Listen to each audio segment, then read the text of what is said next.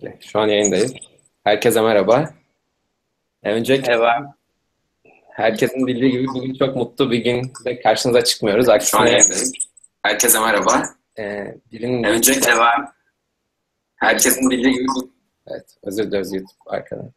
Okey, tekrar başlayalım. O zaman özür diliyorum baştaki ekodan dolayı. Bugün çok mutlu bir günde karşınıza çıkmıyoruz. Bildiğiniz gibi üzüldüğümüz, kızdığımız, çoğumuzun korktuğu bir gün yaşadık. Ee, öncelikle hayatını kaybedenlere biz de rahmet diliyoruz. Ailelerine de tüm bu acıyı hissedenlere de başsağlığı diliyoruz. Ama biz bu derneği kurarken de Sabancılı Üniversiteli arkadaşlarla işbirliğine girerken gir, girişirken de amacımız gençlere ilham olmak. Bir gün belki saldırılar önecek istihbarat teknolojilerini yaratacak, sosyal politikaları geliştirecek genç beyinlere ilham olmaktı. Yani denizde damla kadar da olsa bu, bunu yapmaya çalışmaya devam etmek istiyoruz. Ondan bugünkü yayınımızı iptal etmedik. Ee, bugün hani bu yayından etkilenip ileride hayallerini genişleten, ufkunu genişleten 3 kişi, 5 kişi bile olsa bizim için bu bir kazanç. İçin inanca kabul ettiği için bizimle beraber olduğu için teşekkür ediyorum. Yine sözü Sabancı Üniversitesi arkadaşlara bırakıyorum. Merhabalar, herkese iyi akşamlar. Öncelikle biz de bu üzücü günde bu yayını yaptığımız için gençlere, herkese e, böyle insanlarla, böyle girişimci insanlarla iletişim kurma imkanı olmayan insanlarla görüştüğümüz için, görüştürdüğümüz için çok mutluyuz ve gururluyuz. Ee, yayınımızla ilgili bilgi vermek gerekirse bu sefer ilk kez Beste'yle ben Ata e, moderatörlük yapıyoruz. Öncelikle biraz kendimizden bahsedelim isterseniz. Ben Ata, e, endüstri mühendisliği öğrencisiyim Sabancı'da. ikinci sınıf okuyorum. Beste. Merhabalar, ben de Beste. E, Sabancı Üniversitesi'nde yönetim bilimleri okuyorum. İkinci sınıf öğrencisiyim. E, bugün İnanç Bey ile beraberiz. Onun bu ilginç yaşam öyküsünü, girişimci ruhunu herkesin görmesini, öğrenmesini ve ders çıkarmasını istiyoruz. Öncelikle biz e, yayınımızın altında bir özgeçmiş var. Onu okuyarak başlayalım. Sonra da İnanç Bey e, buna kendinden, e, öğrencilik yaşamından başlayarak anlatsın. Kendini daha iyi tanıyalım. Şimdi özgeçmişi İnanç Balcı 2004 yılında Özkoç, Özel Koç Lisesi'nden mezun olduktan sonra eğitimde Purdue Üniversitesi'nde devam etti. Buradan da endüstri mühendisliği ve ekonomi çift anadolu yaparak 2008 yılında mezun oldu. Amerika'dan sonra Londra'da Nomura International ve Odin Financial gibi dev şirketlerin birleşme ve satın alma birimlerinde çalıştı. Sonra Asya'da sanal alışveriş şirketi kurma kararı alan İnanç Balcı, 2012 yılında Lazada Group eş kurucusu oldu. Halen Lazada Filipinler CEO'su görevini üstlenmeye devam etmektedir. İsterseniz İnanç Bey e, sizi bir de sizin ağzınızdan dinleyelim hayat hikayenizi. Daha sonra sorularımıza geçebiliriz. Evet, e, merhaba herkese. E, dediğiniz gibi e, kısa bir özgeçmişi anlattınız. E, liseye kadar Türkiye'de okudum. E, sonra Amerika'da okumaya karar verdim üniversiteyi. E, üniversitelere baktım, mühendislik okumak istiyordum. E, Purdue Üniversitesi'ne gittim. Mühendislikte başladım endüstri mühendisliğine. E, sonra e, işte mezun olan arkadaşlarla ve başka kişilerle konuşarak çift ana dal yapmaya karar verdim. Çünkü bir Türk olarak yurt dışına gittiğiniz zaman ekstra bir şey yapmanız gerekiyor her zaman. Çünkü hani Amerika'da daha çok competition var. Hep daha bir şeyler üzerine üzerine koymanız gerekiyor. Amerikalılarla ya da işte oradaki başka insanlarla compete ederken. O yüzden çift anadal yapmaya karar verdim. Ee, işte dört buçuk yıl sonunda mezun oldum. Fakat şöyle bir şanssızlık oldu mezun olunca. Ben Lehman Brothers battıktan 3 ay sonra mezun oldum. Yani tam finansal, dünya finansal krizinin ortasında ve bankacılık yapmaya karar vermiştim e, okulun ikinci senesinde ve onunla ilgili e, internshipler yapmıştım. İşte en son bir e, New York'ta Distressed Private Equity e, fonunda en son stajımı yapmıştım. Ve okul bittikten sonra onlarla başlayacaktım. Tabii Lehman Brothers batınca ve büyük bir finansal e, kriz başlayınca onlar da zora girdiler ve sonra Türkiye'ye gitmek zorunda kaldım. Sonra Türkiye'de Odin Finans'ta başladım. Odin Finans şöyle yatırım bankacılığı yapan butik bir şirket. Amerika'da çalışan e, bir Türk bankacı Türkiye'ye dönmüştü e, birkaç ay önce ve kendi butik yatırım bankasını kurmak istiyordu. Ben hani tanıdıklar sayesinde şansa kadar onunla tanıştım bir gün e, konuştuk ve hani birbirimizle iş yapmaya karar verdik ve ben onun ilk çalışanı olarak şirkete başladım. 9 ay birlikte çalıştık Türkiye'de. Hani benim şöyle biraz şansım oldu. Bir yatırım bankasında daha corporate bir yatırım bankasında başlayınca işe e, iki ay çok bir structured training oluyor. Yavaş yavaş öğreniyorsunuz yatırım bankacılığını. Yani yaklaşık iki yıl, üç yıl sürüyor birçok şey öğrenmeniz. Benim şansıma e, birebir hani o kadar senior bir insanla her gün sabah akşam birebir çalıştığım için çok daha hızlı öğrenme şansım oldu birçok şeyi.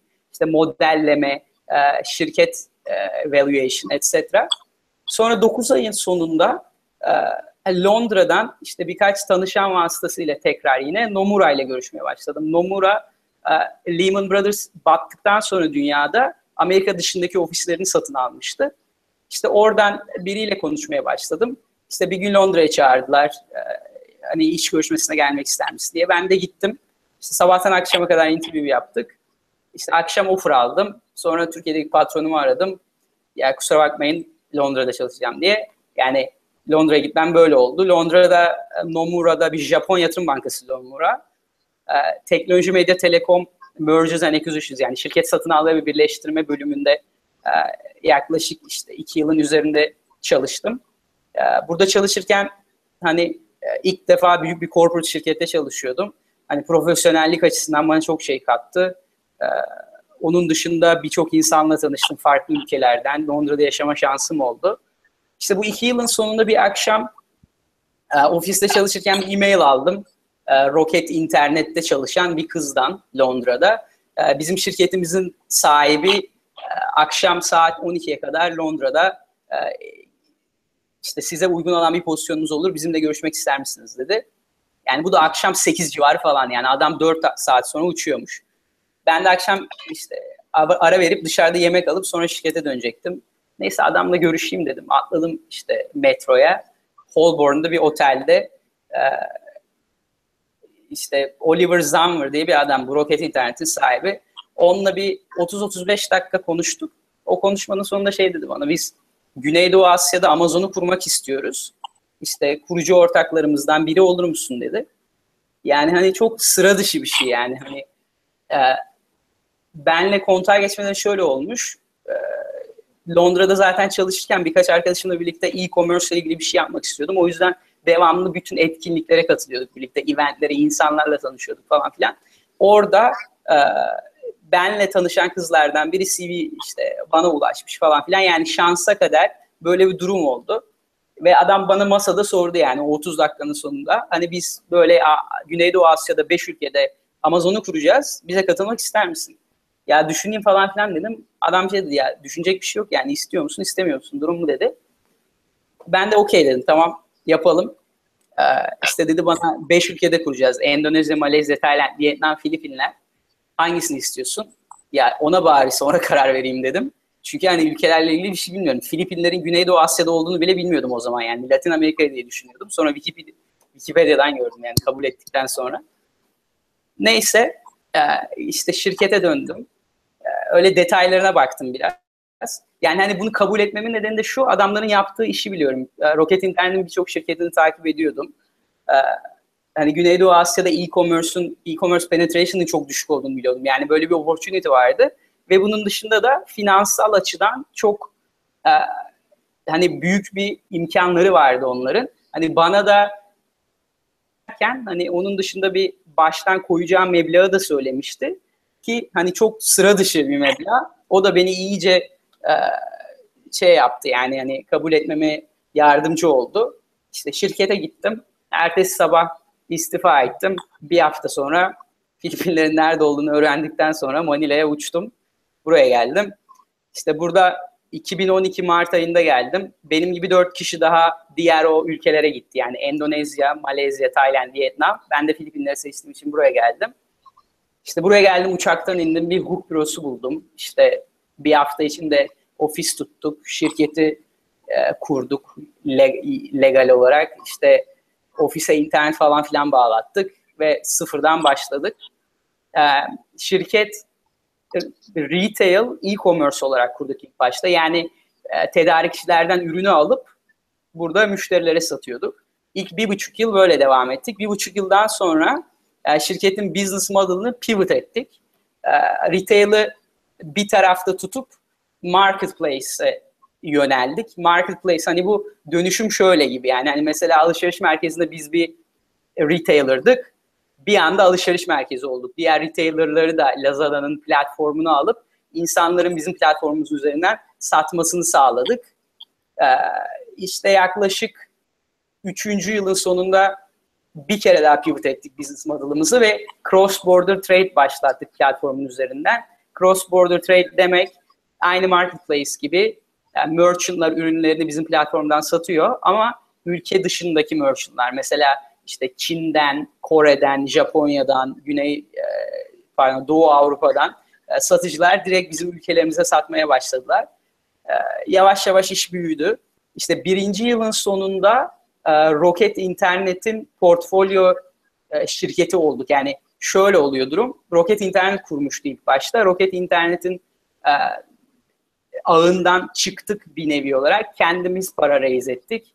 İşte JP Morgan, e, bu Swedish Sovereign Wealth Fund, e, işte bir iki tane daha büyük fondan. Sonra bu ikinci yılın sonunda oldu. Üçüncü yılın sonunda işte e, Tesco diye bir e, British retailer'dan e, para raise ettik.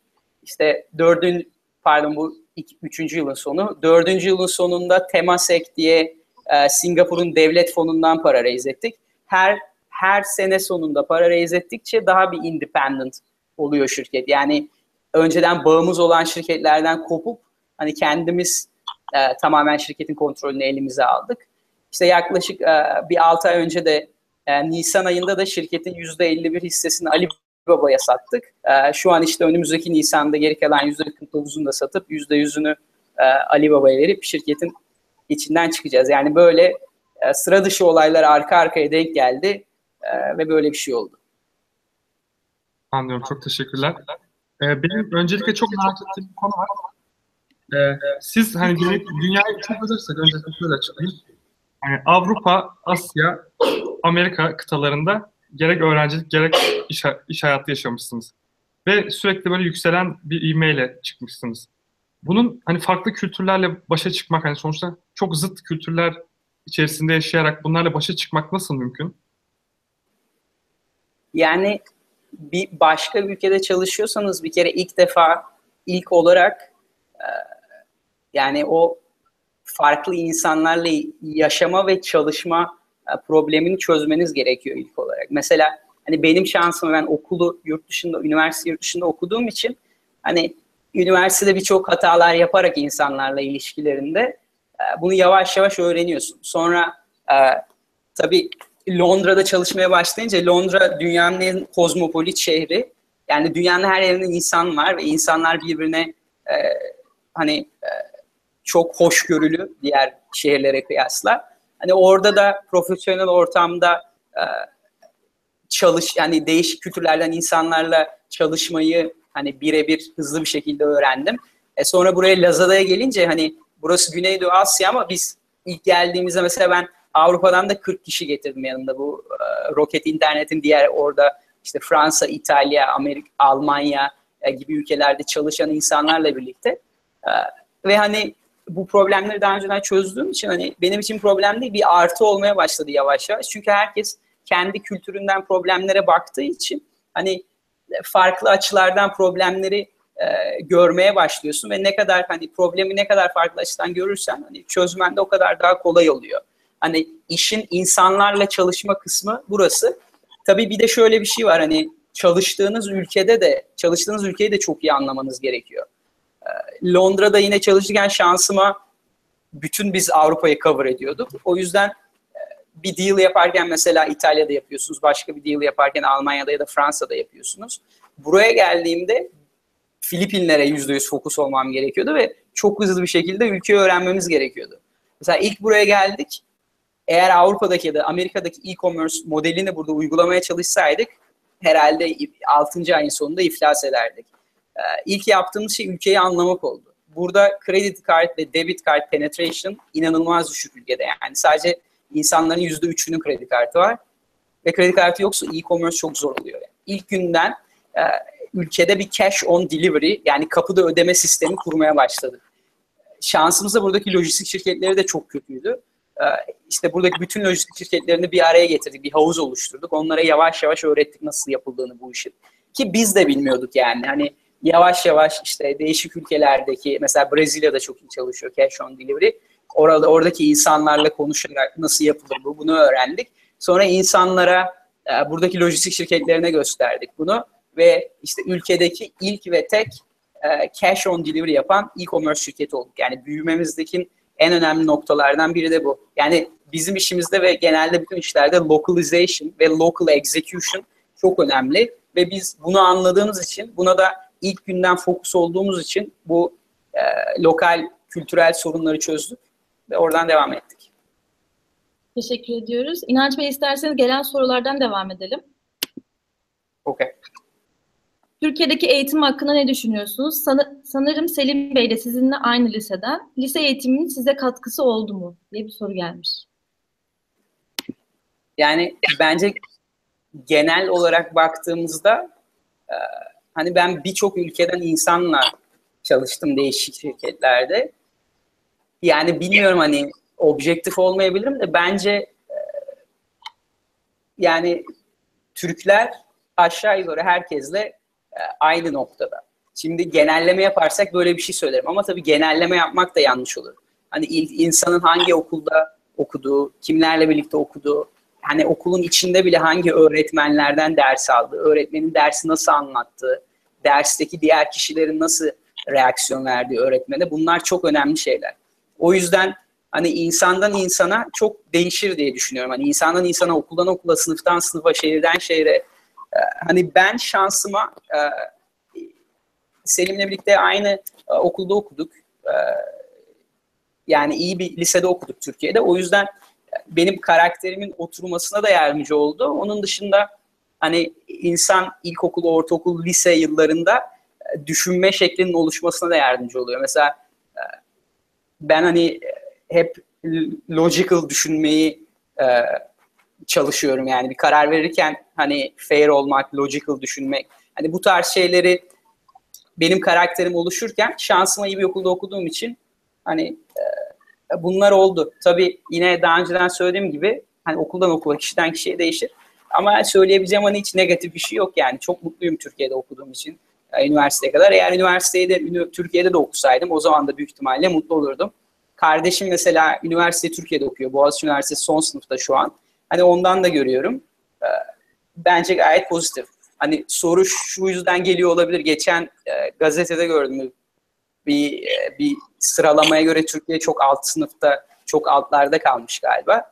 Hani benim kendi deneyimime göre öyle bir yerde değil. Ama tabii değişik işlere sormak lazım.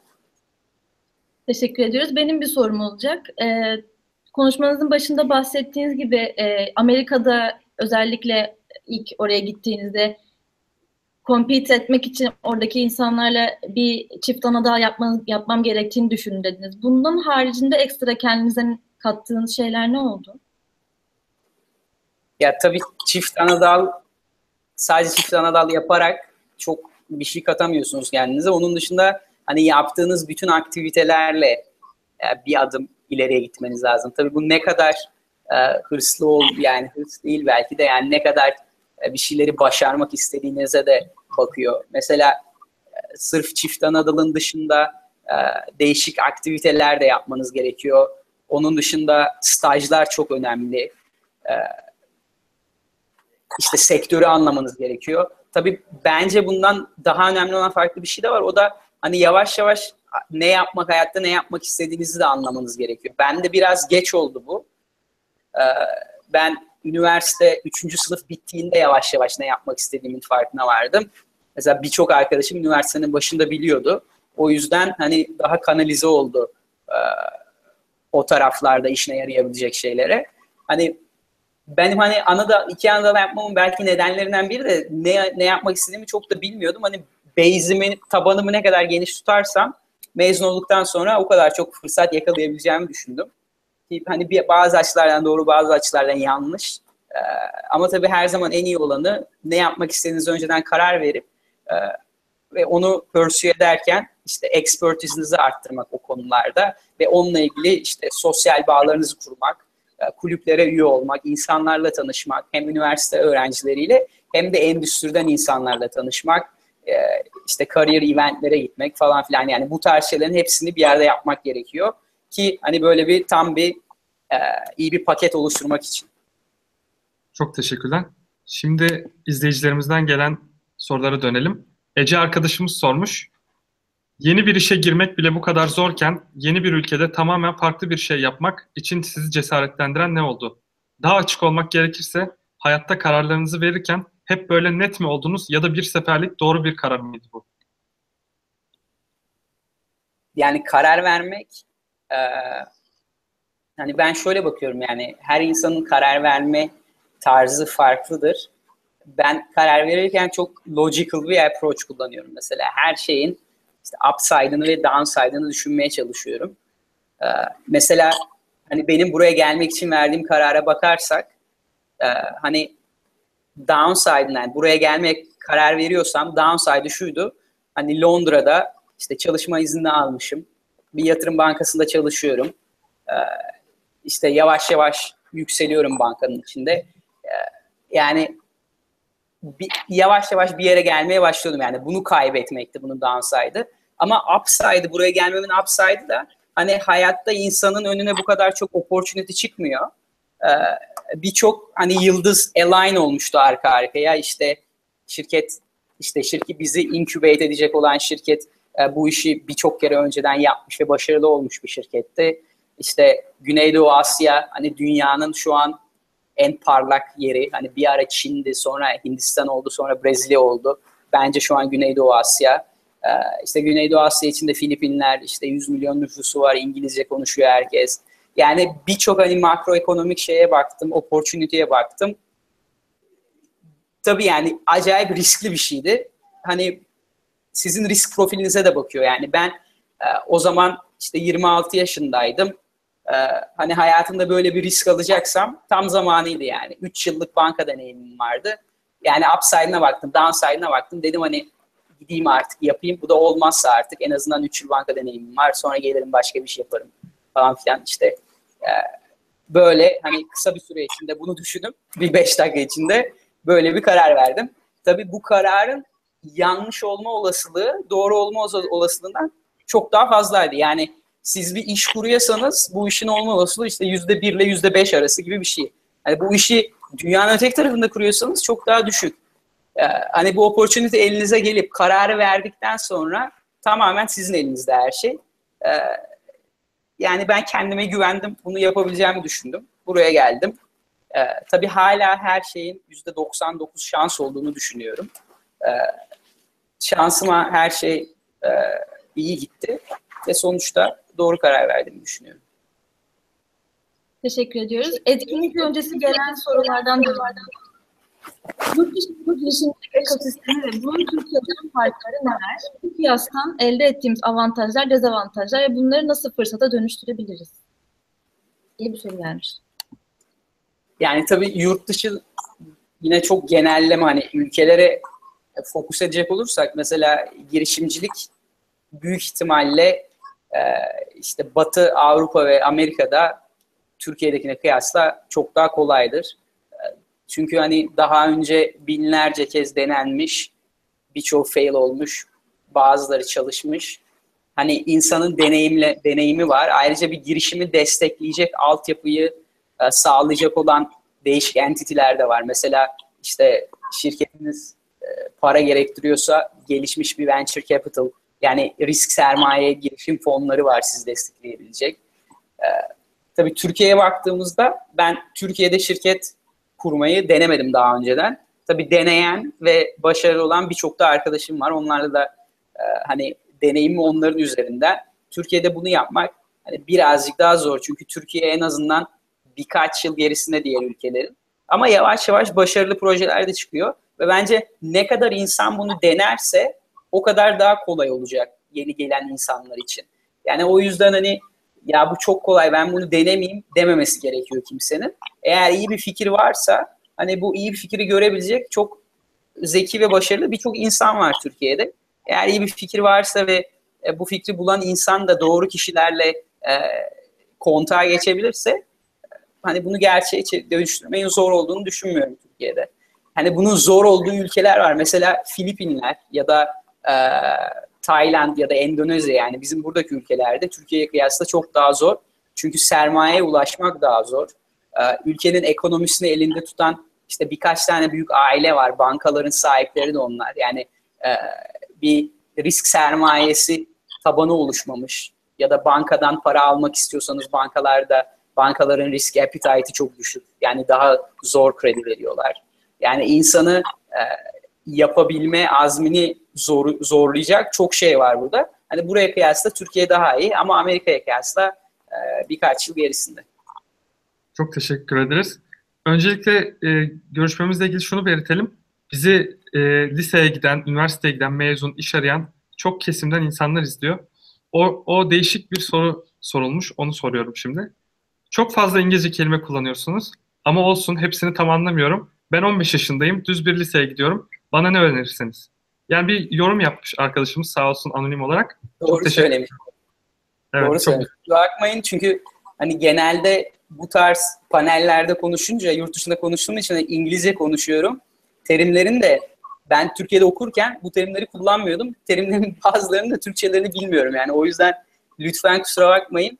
Hani ne kadar Türkçesi aklıma gelirse o kadar kullanacağım bu andan sonra.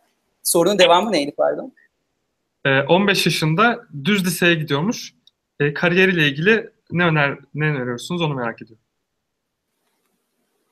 Yani hani bence lisenin tarzı çok önemli değil. Hani düz, düz lise, özel lise, fen lisesi. Yani hani bizim burada çalıştığımız insanlara bakınca biz kimsenin lisesini sormuyoruz. Ee, hani okula giderken ve ilginç olarak da hani birçok insanla görüşürken hani üniversitesini bile sormuyoruz insanların. Yani e, hani birçok insan şey düşünüyor ya iyi üniversiteye gitmezsem nasıl iş bulacağım?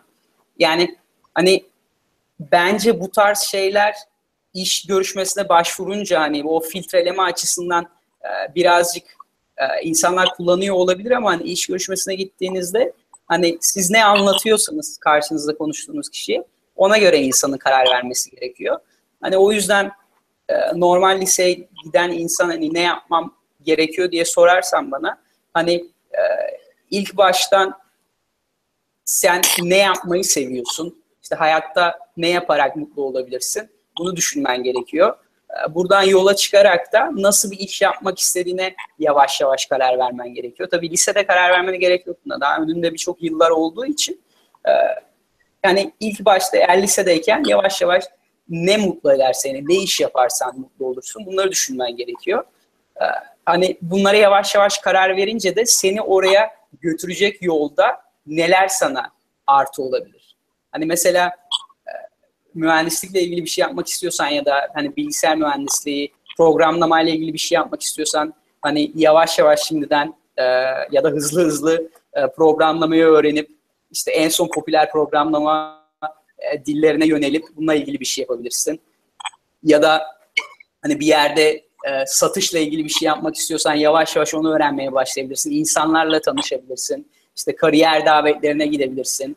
E, o işin eksperleriyle konuşup hani hangi açılardan e, kendini geliştirmen gerektiğini o kişilere sorup işte yavaş yavaş kendini geliştirebilirsin. Ama hiçbir zaman şey diye düşünme yani diz liseye gidiyorum, şu liseye gidiyorum, bu liseye gidiyorum. Bu bana hani bu benim için eksi olacak diye düşünme hiçbir zaman. E, çünkü tamamen her şey senin elinde yani. E, bizim mesela şirkette Filipinler'de e, 2800 kişi çalışıyor bizim şirketimizde. E, bu region'da yaklaşık 15 bin kişi çalışıyor. Hani bunların içinde iyi okullara gitmiş, iyi şeyler yapmış e, ve onun sayesinde bize katılmış insanlar var. Ama bizim şirkette en başarılı olan insanlar e, genelde hani e, çok değişik backgroundlardan geliyor da olabilirler yani. Hani bizde üniversiteye gitmemiş olan çok başarılı insanlar da var. Mesela 24 yaşında e, e, fiyatlama, bizim şirketin fiyatlama bölümünde çalışan e, biri var. 3 ay önce başladı. İnanılmaz zeki yani patronundan çok daha zeki. 3 ay sonra mesela patronuyla aynı seviyeye geldi. Bir 3 ay sonra patronun üst seviyesine geldi. e, ve çok hızlı bir şekilde ilerliyor. Tabii doğru şirketi de seçmek gerekiyor hani bu tarz konularda. Çünkü her şirket sanıyorum bizim gibi bakmıyor insanlara. E, o yüzden hani şirketlerle görüşmeye gittiğin zaman da sadece sen hani onlar seni alacak, kendini satacağım diye de bakmaman gerekiyor. Sen de hani şirketi seçiyorsun. Yani onların da kendini sana seçmesi gerekiyor. Şirketlerle konuşurken hani senin karakterine uyacak şirketleri de bulman gerekiyor. Hani o yüzden bütün bunları bir araya getirip yani başarılı olmak senin elinde. Eğer zaten hani bu konuşmayı şu anda dinliyorsan e, zaten arkadaşlarına kıyasla çok daha üst seviyede olduğunu düşünüyorum yani. Ben mesela lisedeyken böyle bir konuşma büyük ihtimalle e, dinlemezdim. Yani şu an hepiniz benden daha üst seviyesindesiniz diye düşünüyorum. Lisedeki ve üniversitedeki halime kıyasla. Bilgilendirici olduğunu düşünüyoruz biz de. Sıradaki e, kullanıcımızdan e, üç ayrı soru gelmiş. Şirketi inovatif yapan asıl taraf nedir? Şu an şirket hangi düzeyde ve müşteri kitleniz kimler? Yani şirketi e, inovatif yapan, şimdi biz şu an 5 ülkede başladık, 6 ülkeye çıktık Singapur'la birlikte. Her ülkenin e, şeyleri farklı yani onu o ülkeyi, e, o şirketi e, o ülkede birinci yapan değerler farklı. Mesela Filipinler'den örnek vereyim. Bizim ülkede başarılı olmamızın nedeni diğer e-ticaret şirketlerinin çözemediği problemleri çözmemiz oldu. Bunlardan birincisi daha önce bahsettim kapıda ödeme sistemi. Kredi kartı olmayanları e, e-commerce'ten alışveriş, e-ticaretten alışveriş yapmasını sağladık. Bunlardan ikincisi de ülkede lojistik çok kötü durumdaydı. E, lojistik şirketlerini bir araya getirdik bir havuzda ve yavaş yavaş onlara bunun nasıl yapılacağını öğrettik. Ve birinci yılın sonunda da kendi lojistik şirketimizi kurduk. E, bunun sayesinde diğer şirketlere kıyasla çok daha hızlı büyüdük ve çok daha büyük bir yere geldik. İkinci soru neydi? İkinci kısmı. Şu an mute'sunuz, duyamıyorum. Tamam, geliyor. Şu an şirket hangi düzeyde? Müşteri kitleniz kimler? Şu an e, 6 ülkenin toplamında yaklaşık 1,5 milyar dolar satışımız var e, yıllık. E, işte bunun %30'u Filipinler yani Filipinler satışları 450-500 milyon dolar yıllık. E, yaklaşık işte Filipinler'de 7 milyon müşterimiz var. E, bütün bölgede e, 20 milyon civarında müşterimiz var. E, işte dediğim gibi Filipinler'de yaklaşık işte 2000-2500 kişi e, işte 2800 kişi çalışıyor. Bütün e, bütün bölgede 10 bin üzerinde kişi çalışıyor. E, yani 4,5 yılda şirket Güneydoğu Asya için büyük bir size'a ulaştı. Müşteri kitlemiz internet ulaşımı olan ya da internet ulaşımı olan birini tanıyan herkes. E, çünkü bizim sitemizde her ülkenin sitesi farklı. Her ülkede en az 5 milyon ürün var sitede. E, o yüzden hani herkes için bir ürün var. Çok pahalı ürünler de var, çok ucuz ürünler de var, yüksek kalite de var, düşük kalite de var. Yani bizim belli bir noktaya gelmemizin sebeplerinden biri de her zaman mid market'ı yani orta marketi e, herkesi e, hedeflememiz ve herkese uygun bir e, bir ürün ve servis sunmamızdan dolayı. Tamamdır. Çok teşekkürler. Ee, benim de kendi kişisel bir sorum var. Ee, ben her başarılı insanın e, bir idole sahip olduğuna inanıyorum. Ee, sizin idolünüz kim? Ve sizin de ileride sizden sonra böyle bir işi yapmasını ya da size örnek almasını istediğiniz kitle nasıl özelliğe sahip olmalıdır? Kimleri etkilemek istersiniz? Bunu merak ediyorum. Ya açıkçası sorarsanız hani bir tane idolüm yok. Birçok başarılı insan var. Onları takip ediyorum. Mesela işte Türk olarak baktığınızda işte Muhtar Kent e, bir profesyonel olarak gelmiş geçmiş en başarılı Türklerden biri. E, onun dışında yabancı olarak işte Jeff Bezos ve e, işte Jack Ma bizim sektörde çok başarılı olmuş insanlar. İşte onun dışında Amerika'da teknoloji alanında çok başarılı olmuş insanlar var. Yani onları çok başarılı buluyorum ve hani e, iyi oldukları tarafları e, öğrenip nasıl o konuda iyi olduklarını okuyup sonra onu da kendim e, şey yapmaya çalışıyorum yani. Hani o taraflarımı geliştirmeye çalışıyorum. Hani birçok insanı kendime örnek aldığım için de e, hani doğrusu yanlışı birçok denediğimde şey oluyor. E, hani bunun, burada en önemli olan şeylerden biri insanın devamlı e, kendini geliştirmesi gerektiği. Hani mesela çok e, şey bir örnek vereyim size. Hani çok gerçekçi bir örnek vereyim size. Ben lisede ve üniversitedeyken e, bir yani bir topluluğun önüne çıktığım zaman çok heyecanlanırdım. Yani o kadar heyecanlanırdım ki elim titrerdi mikrofonu tutarken. Hani sesim böyle yavaş yavaş giderdi. İnsanların onu duyduğunu ve gördüğünü hissettiğim zaman da heyecanım çok daha artardı. E, bankada çalışmaya başlayınca yavaş yavaş işte büyük kitlelerle e, konuşmaya başladım. Bunun farkı hani çok hızlı bir şekilde bunu geliştirmem gerektiğinin farkına vardım. Hani böyle bir şey ki bunu geliştiremezsem eğer hani iş hayatında çok yukarıya çıkamayacağımı düşünüyordum. İşte bankada yavaş yavaş ilerlemeye başladım. Sonra Lazada'ya gelince buraya e, CEO olarak gelince hani devamlı 100 kişiye, 200 kişiye, 500 kişiye bazen 2500 kişiye konuşma vermeniz gerekiyor. E, ve yavaş yavaş hani bunu öğrenmem gerektiği, çok hızlı bir şekilde öğrenmem gerektiği ortaya çıktı. Ee, ve işte farklı şeyler okudum, YouTube'dan videolar izledim. Ee, hani böyle problemi olan insanlarla konuştum. Ee, ve yavaş yavaş hani birinci yılın sonunda e, belli bir yere geldim. İkinci yılın sonunda işte televizyon röportajları yapmaya başladım işte. Hatta e, işte bir kere bir Bloomberg'de canlı yayına çağırmışlardı. Böyle masanın altında bacaklarım titriyordu konuşurken. Tabii bu yaptıkça hani bunu mesela eğer kendinizi bu konuda geliştirmek istiyorsanız bunun çok kolay bir yöntemi var. Ne kadar fazla konuşursanız büyük kitlelere o kadar iyi gelişiyor yani. Ben bunu 100 kere yaptıktan sonra hani insanlar yavaş yavaş Aa, işte public speech yani e, işte büyük kitlelere konuşurken konuşma yaparken iyi konuşuyorsun demeye başladılar. Ben de bayağı şaşırıyordum yani. Allah Allah bu benim çok kötü olduğum bir şeydi. Nasıl yavaş yavaş bu gelişti diye. Hani kendimi geliştirdiğim alanlardan biri buydu. Bunun dışında birçok alan daha oldu. Ee, ve dediğim gibi bu alanları e, bu alanları bulmamda yardımcı olan şeyler de kendime örnek aldığım insanlar oldu. Sorunun ikinci kısmına gelirsek kimin beni kendine örnek alması gerektiği yani bilmiyorum tabii hani e, benim doğru yaptığım şeyler var, çok yanlış yaptığım şeyler var. Hani biri eğer kendi beni kendi örnek alacaksa öncelikle doğru yaptığım şeyleri bulmuyor, e, bulmuş olması gerekiyor.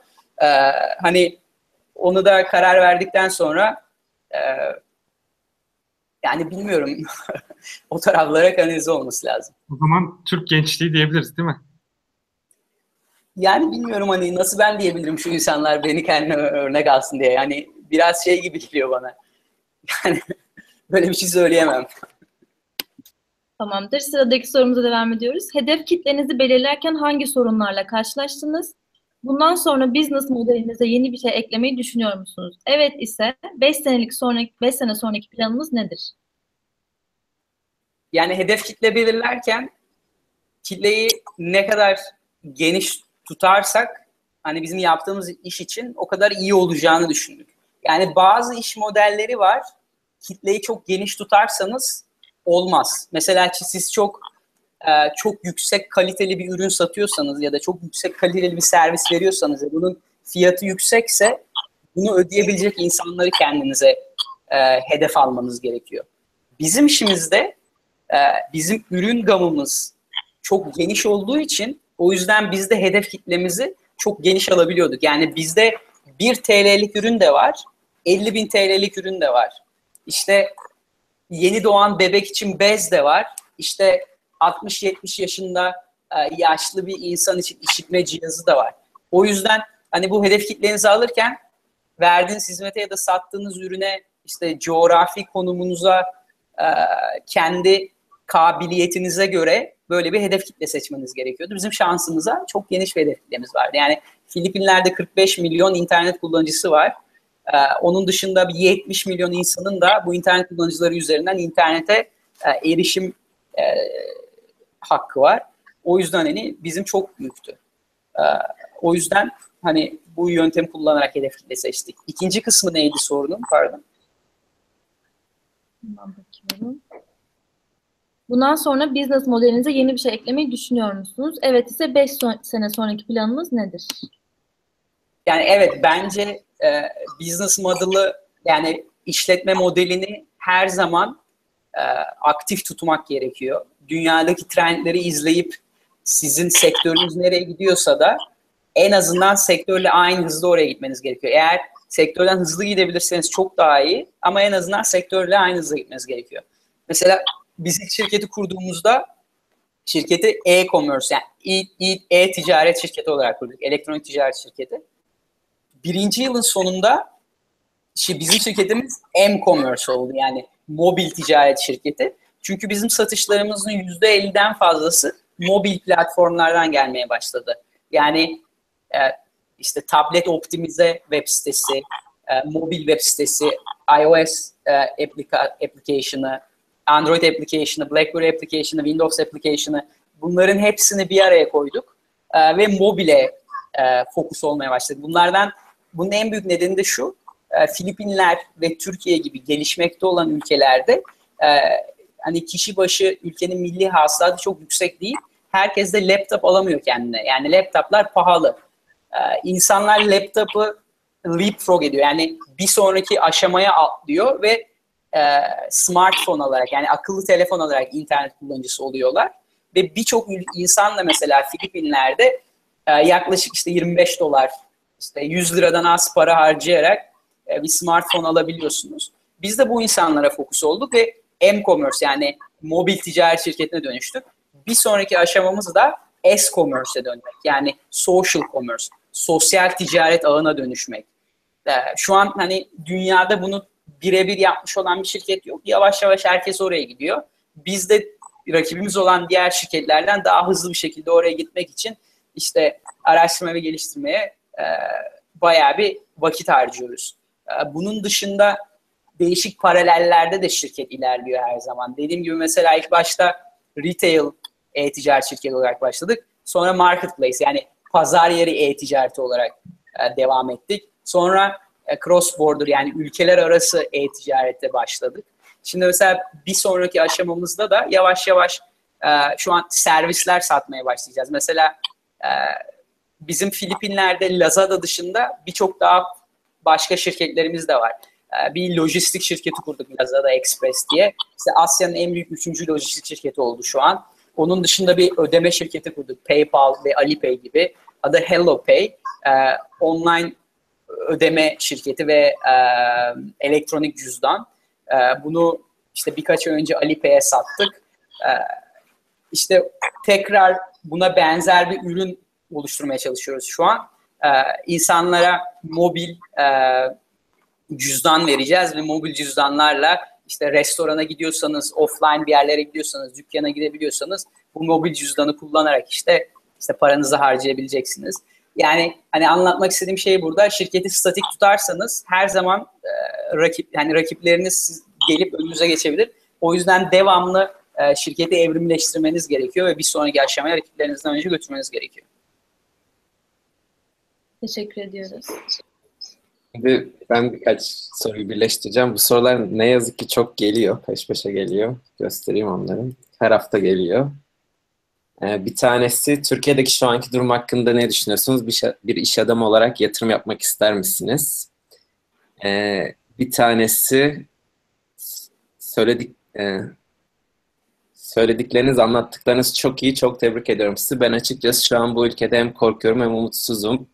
Selim Bey de umut olmak istiyoruz dedi ama hem siz hem Selim Bey dürüst olarak bir soruyu cevaplasın lütfen. Siz gerçekten umutlu musunuz bu ülkenin geleceğinden? Ee, yani bu, bu yönde çok fazla soru var.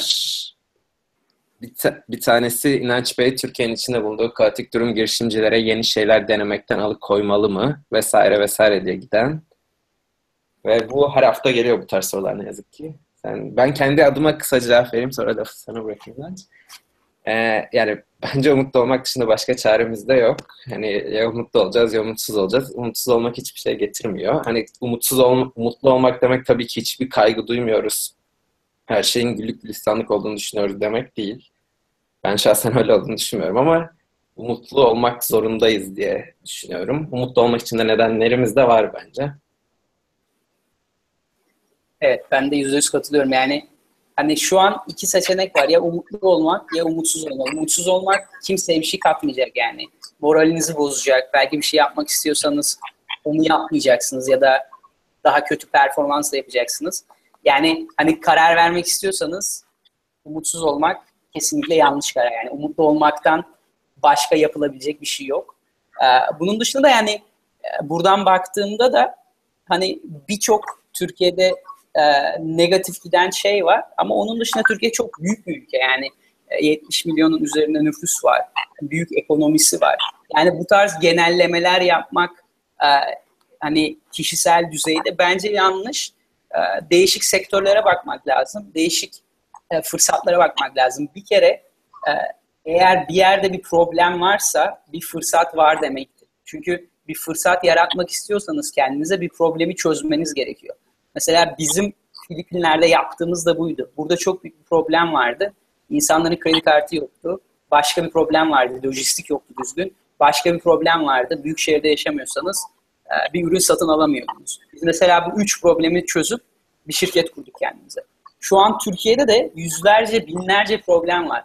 Ve bu bütün bu problemlerin karşılığı fırsatlar da var. Hani bu problemlere bakıp ben bunu nasıl çözerim? Bu çözdüğüm, e, bunu çözerek e, nasıl bir fırsat, fırsat yaratayım kendime? Bu fırsatı nasıl bir e, şirkete dönüştürürüm? Hani böyle düşünmek gerekiyor. Ben negatif bakmıyorum. Hani bana da kardeşim soruyor devamlı. E, ya diyor burada işler çok düzgün gitmiyor ne yapsam acaba diye. Hani ona da diyorum yani bu kadar genelleme yapmak yanlış diye düşünüyorum. Türkiye'de çok fırsat var. Hani şu an bazı şeyler yanlış gidebiliyor olabilir. yarın öbür gün çok daha iyi yere gidecek. Hani bunun pozitif bakmak gerekirse alt seviyeden üst seviyeye gidecek. Hani işlerde de bu ivmeleri yakalamak çok önemli. Ee, Türkiye hani büyürken o, o ivmenin içinde olmak, şirketini o ivmeyle büyütmek çok önemli bir şey. Hani o yüzden e, bunu insanların bir fırsat olarak da görmesini gerektiğini düşünüyorum. Çok teşekkürler. Ee, bu arada bize çok normalde normal sayıdan daha fazla sayıda soru geliyor. Eğer sizin bir saat dedik ama size hani e, tam soruları tamamen alabilmek için biraz daha uzayabilir. Eğer vaktiniz Benim varsa. Vaktim var. Burada şu an saat 1.45 gece ve biz şu an e, Christmas satışını gece 12'de başlattık. O yüzden 3 gün ofiste yaşayacağız. Benim vaktim var yani. O zaman herkese cevap vermeye çalışalım. Şimdi sıradaki soruyu sorayım. Yine bir yorumla başlamış. Çok sosyal birine benziyorsunuz.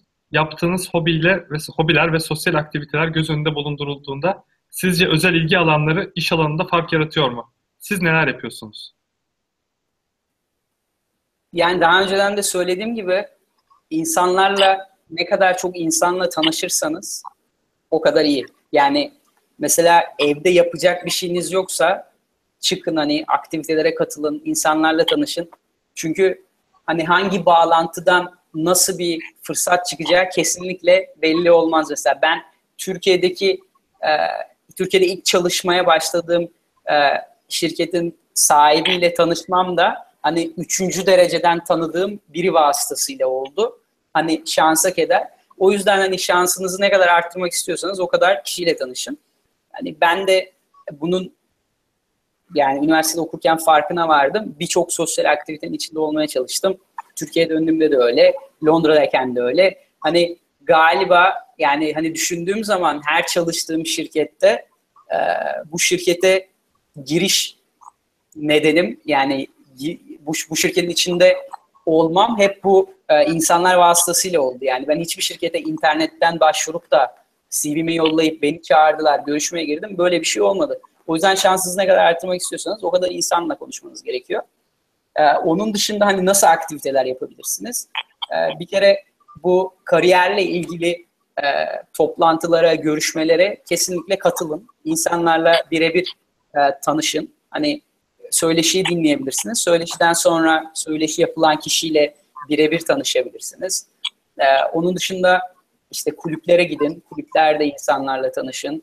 E, mesela bence LinkedIn Facebook'tan çok daha e, kullanışlı bir e, sosyal medya platformu. Ben mesela LinkedIn'de yaklaşık 5000'in üzerinde e, bağlantım var. Hani eğer bir konuyu öğrenmek istiyorsam mesela ilk Filipinler'de e, kapıda ödeme sistemini öğrenmek istiyordum. İşte e, şeyde LinkedIn'de aradım işte bu e, e-commerce'ten anlayan Brezilya'daki insanları. Birkaç kişiyle bağlantıya geçtim. LinkedIn'den mesaj attım işte e-mail attım. Ya merhaba işte biz Filipinler'de e-commerce şirketi kurmak istiyoruz. Böyle bir sorun var. İşte siz yaptığınızın farkındayız. Acaba vaktiniz olursa yarım saat Skype'ten konuşabilir miyiz? Yani genelde insanlar pozitif yaklaşıyor.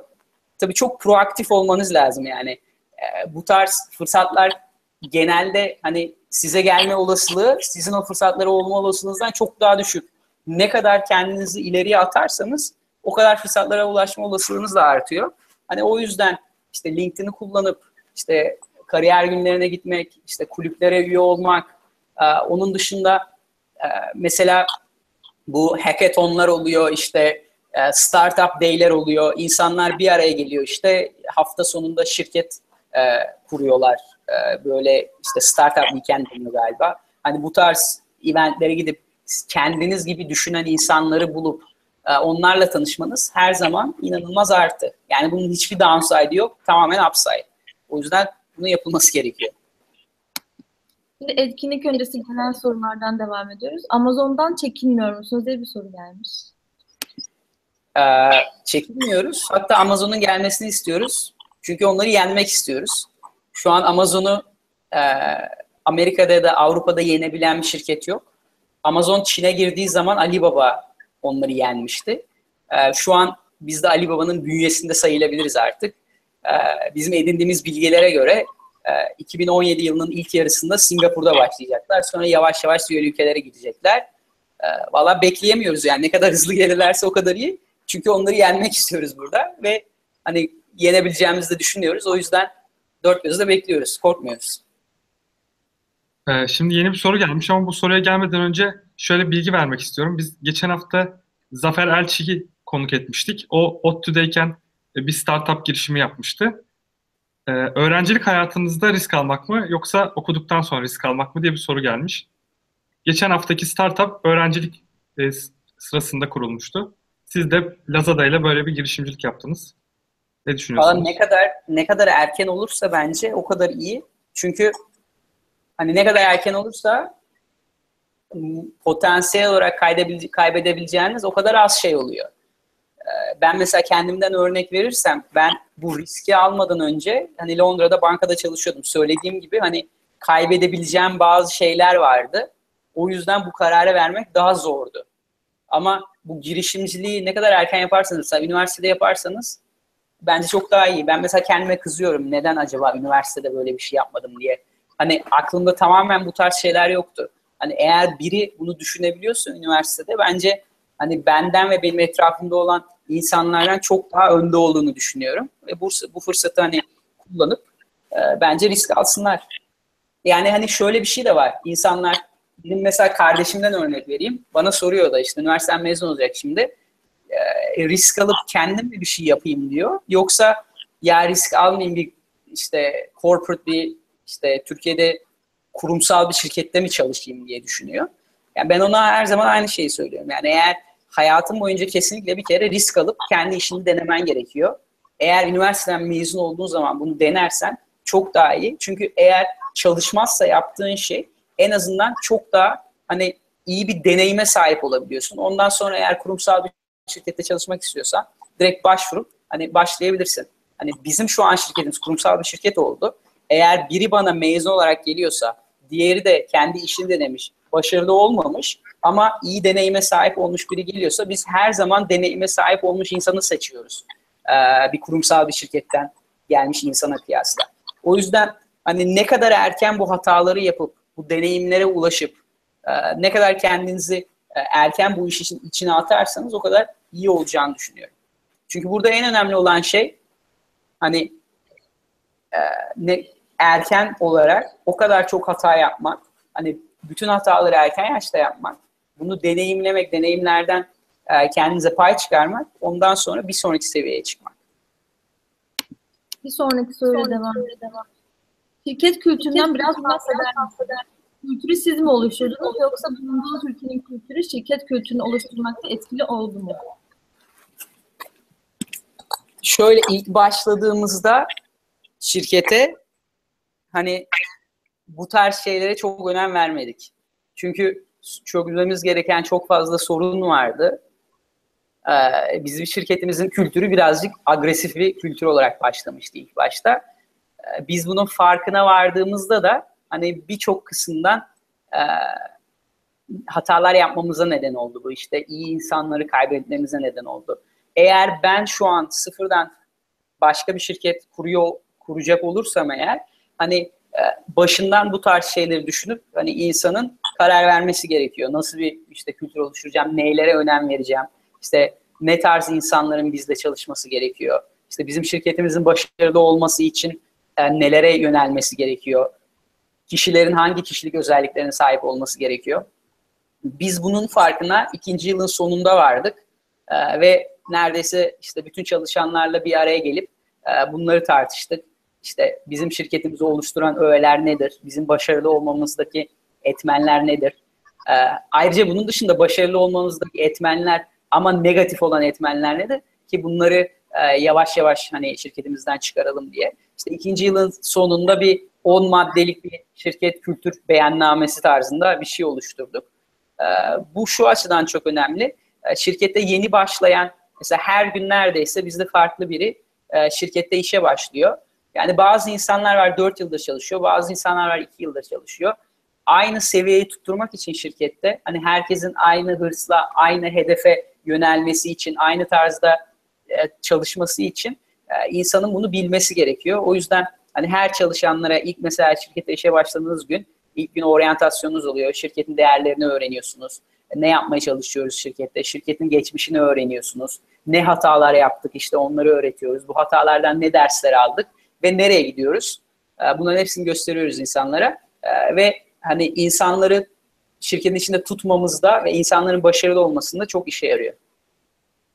Çok teşekkürler. Bir sonraki soruya geçmeden önce e, izleyicilerimizden gelen mesajı aktarayım size. Fethi Özdöl yazmış. Geçen hafta Malina'daydım. Bilsem inanç haber verirdim. Gayet faydalı bir konuşma oldu. Selamlar yazmış. Ee, sıradaki sorumuz etkinlik öncesinden gelen bir soru yine. Bir gün Türkiye'ye dönmeyi düşünür müsünüz? Ya da Lazada'yı Türkiye'de ne zaman göreceğiz? Yani Türkiye'ye dönmeyi kesinlikle düşünüyorum evet. Tabii ne zaman olduğunu bilmiyorum.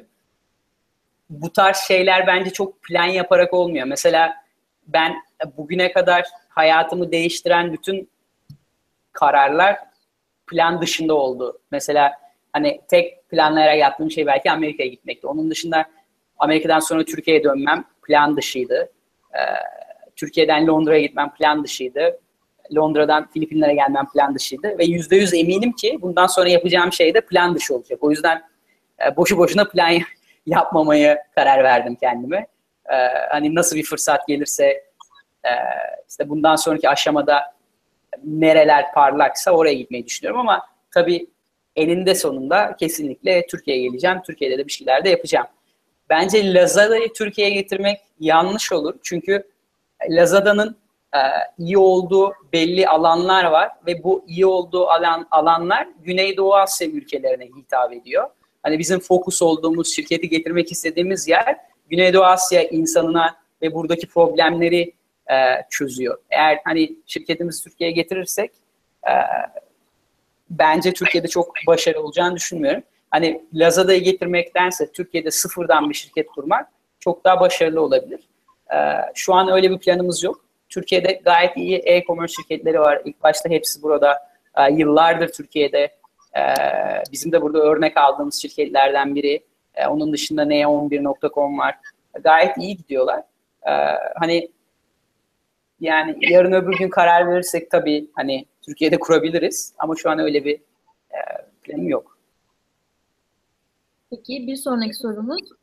Amazon Go Amazon projesini sorarak bir şey sormak istiyorum size. Amazon bu tarz inovasyonları nasıl görüyor ya da harekete geçiyor? Bunu belirlemek için farklı farklı ne yapıyor? Pardon ve... ses gidip geliyor tekrar. Şey Baştan alayım. Amazon Go projesinden yola çıkarak bir şey sormak istiyorum. Amazon bu tarz inovasyonları nasıl görüyor ya da harekete geçiyor? Bunu belirlemek için onlar ne yapıyor ve siz neler yapıyorsunuz? yani Amazon geçen hafta açıkladı işte şu bir videosunu gösterdi Amazon Go'nun ee, işte offline yani gerçek brick and mortar süpermarket girerken e, application'ı QR kodunu okutuyorsunuz, içeriye giriyorsunuz. İşte kameralar aldığınız ürünleri e, sizle match ediyorlar. İşte raftan bir şey alırsanız ve o aldığınız ürünle dükkandan çıkarsanız işte aldığınız ürünleri işte Amazon'dan size charge ediyorlar. E, hani şey yani bu dünyada e, bu kadar iyi execute edilmiş bir şey değil şu anda. Mesela ben üniversitede okurken e, undergraduate araştırma projesi yapıyordum. Yani buna benzer bir şeydi. Mesela biz de bir süpermarket e, dizayn etmiştik. Her ürünün üzerinde RFID e, çipi, pasif RFID çipi olacaktı. İşte siz e, dükkana giriyorsunuz. Kredi kartınızda da RFID çipi var. İşte sizin kim olduğunuzu anlıyor. Siz bir araba alıyorsunuz. Arabaya her attığınız şeyi okuyor. Sonra çıkarken de işte aldığınız her şeyi alacaktı. Yani Amazon Go'nun da yaptığı aşağı yukarı bu. Yani biz bunu bir herhalde 7-8 yıl önce falan dizayn etmiştik. Yani Amazon'un bunun üzerine yaptığı şey hani bunun execution'unu çok daha iyi yapıyor. Kameralar koyuyor işte sizi oradan takip ediyor. Deep learning e, var işte sizin alışveriş behavior'ınıza bakıyor falan filan. E, yani hani iyi bir şey ama yani çok da inovatif bir şey olduğunu düşünmüyorum. E, onun dışında hani dediğim gibi daha önceden de dediğim gibi hep bir sonraki aşamaya bakmanız gerekiyor. Yani biz e-commerce olarak başladık. Şu an m-commerce'üz. Şirketimizi s-commerce yapmak istiyoruz. İşte retail olduk, marketplace olduk, cross border trade olduk. Şimdi başka ürünler katmak istiyoruz. İşte wallet katmak istiyoruz. Servis satmak istiyoruz. İşte insanların elektrik parasını, su parasını Lazada üzerinden ödemesini istiyoruz ki hani elektronik para kullanılmaya başlasın. Uçak biletini bizden alsın. İşte genelde Alibaba ve Amazon dünyada hani bunun forefront'u yani en önde inovasyonları bu alanda yapan şirketler.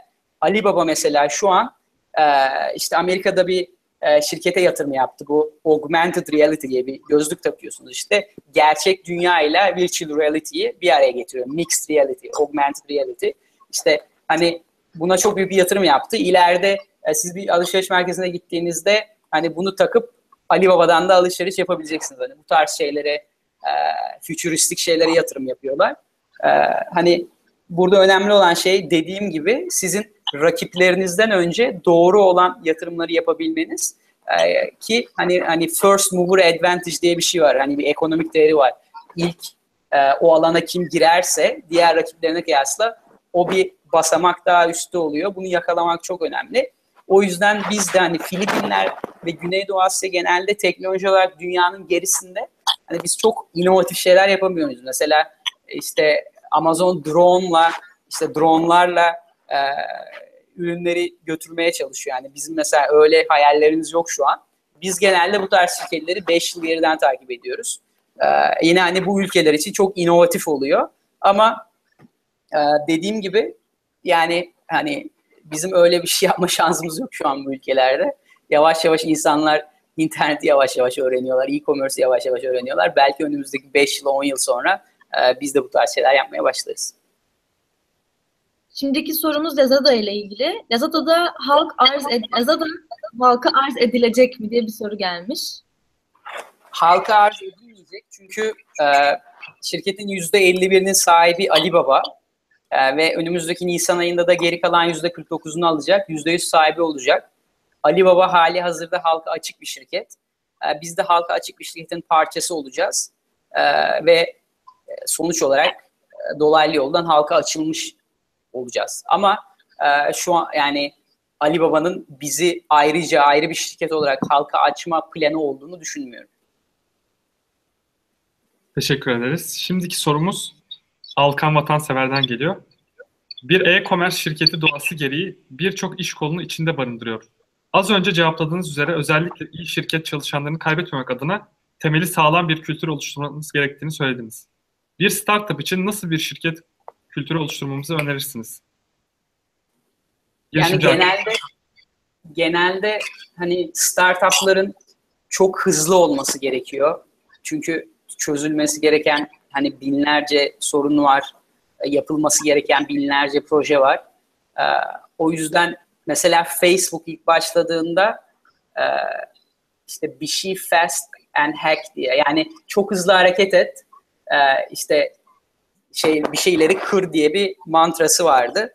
Hani bence startup ilk işe başladığında en önemli fokus olması gereken alanlardan birinin hız olma, hız olduğunu düşünüyorum.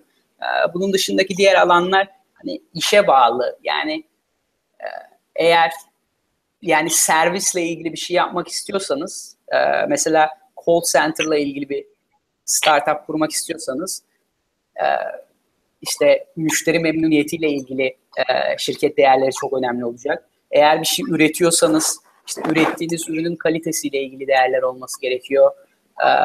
İşte bir başka bir mesela bir arkadaşım yani yurt dışında e, Vale servisi veren bir startup kurdu. E, mesela böyle bir startup kuruyorsanız işte şirketin değerleri çok daha farklı olacak diğerlerinden. E, ama hani ortak olan şeyler de var. Mesela işte herkesin birbirine bizim mesela şirketimizin değerleri herkes birbirine saygılı olacak. E, altta çalışanlar üstte çalışanları her zaman challenge edebilecek. Yani eğer sizin üstünüzde bir çalışıyorsa eğer üstünüzdeki kişinin yanlış bir şey yaptığını düşünüyorsanız ona söylemeniz gerekiyor. Yani bizde mesela herkes e, hani ofiste politika olmasını istemiyoruz. Birçok şirkette hani patronunuz ya da üzerinizde iki kademe, üç kademe biri yanlış bir şey yapıyorsa korkar insan söylemez değil mi? Mesela bizim değerlerimize aykırı. Her zaman söylemesi gerekiyor. Mesela ben mesela bizim çalışanlarımızla konuşurken de e, her zaman onlara şey derim. Eğer benim yanlış bir şey yaptığımı düşünüyorsanız Hani siz yerleri bile siliyorsunuz şirkette. Gelip bana söylemeniz gerekiyor ki hani e, herkes yanlış yapabilir yani bunu görmek çok önemli. Hani değerlerimizden biri bu. Onun dışında tabii bir sürü var ama hani genel olarak yaptığınız işle alakalı bence. Bir de şirketlerin kurucu ortaklarıyla alakalı. Çünkü genelde şirketin kültürü kurucu ortakların etrafında kuruluyor. Ee, ve sizin kendi kişiliğiniz de şirketin e, kültürünü yansıttığını düşünüyorum. Ee, çok teşekkürler. Ee, sonraki sorumuz İlkaz İnçoğlu sormuş. Kültürel, politik, ekonomik olarak şirketinizde sorun yaşadınız mı? Nasıl önlem aldınız? Nasıl davrandınız? Yani dediğim gibi şirketi şirketler için en kötü şeylerden biri e, şirket içinde politika. E, yani birçok insan çalışıyor şirketin içinde pardon Eko geliyor arkadan ama e, birçok insan çalışıyor şirketin içinde. Siz şirkete birini alırken bunları elemeniz gerekiyor. Mesela bizim sorduğumuz bazı sorular var işte hani insanların ne tarz insan olduğunu anlamak için tabii çok zor e, bunu bir saatlik görüşmede anlamak. Ama hani bizim e, şirketin içinde insan kaynaklarının bir araya getirdiği hani birçok soru var. Biz insanlarla görüşürken Hani bunları soruyoruz. Çünkü hani insanların nasıl insanlar olduğunu anlamaya çalışıyoruz ki bizim şirketimize uyacak mı? Hani bunların içinde en önemli uymayan şeylerden biri bir politik insanlar. Yani bu tarz insanlar genelde e, işe yönelmektense işte daha farklı şeylere yöneliyorlar. Hani bizim de yaptığımız birçok hata oldu. Biz mesela e, şu an şirketimizde hani yüzlerce kişi işe başlayıp kendi çıkan oldu, bizim çıkardığımız oldu hani her zaman insanları e, doğru tartmaya çalışıyoruz. Tabii bazılarını mesela seçiyoruz, işe başlıyorlar. İşe başladıktan sonra farklı şeyler görüyoruz. İşte onlarla e, tabii e, ilk başta işte konuşuyoruz, kendi değerlerimizi aşılamaya çalışıyoruz. E, birçok e, birçok sefer efor sarf ediyoruz insanlara e, bunu anlatmak için. Tabii işin sonunda olmuyorsa olmuyor. Ama tabii hani sorunun da e, dediği gibi yani e, hani bu tarz şeyleri politik e, politik insanları yakalayıp hani onlara çok şey yapmamak gerekiyor. Şirkette çok e, vakit vermemek gerekiyor. Sorumuz. Teşekkür ediyoruz. Sıradaki sorumuz geliyor. Hepsi buradan örnek aldığınız çok iyi yapıyorlar dediğiniz ne var? Kesinlikle çok başarısız oldukları ne var size göre?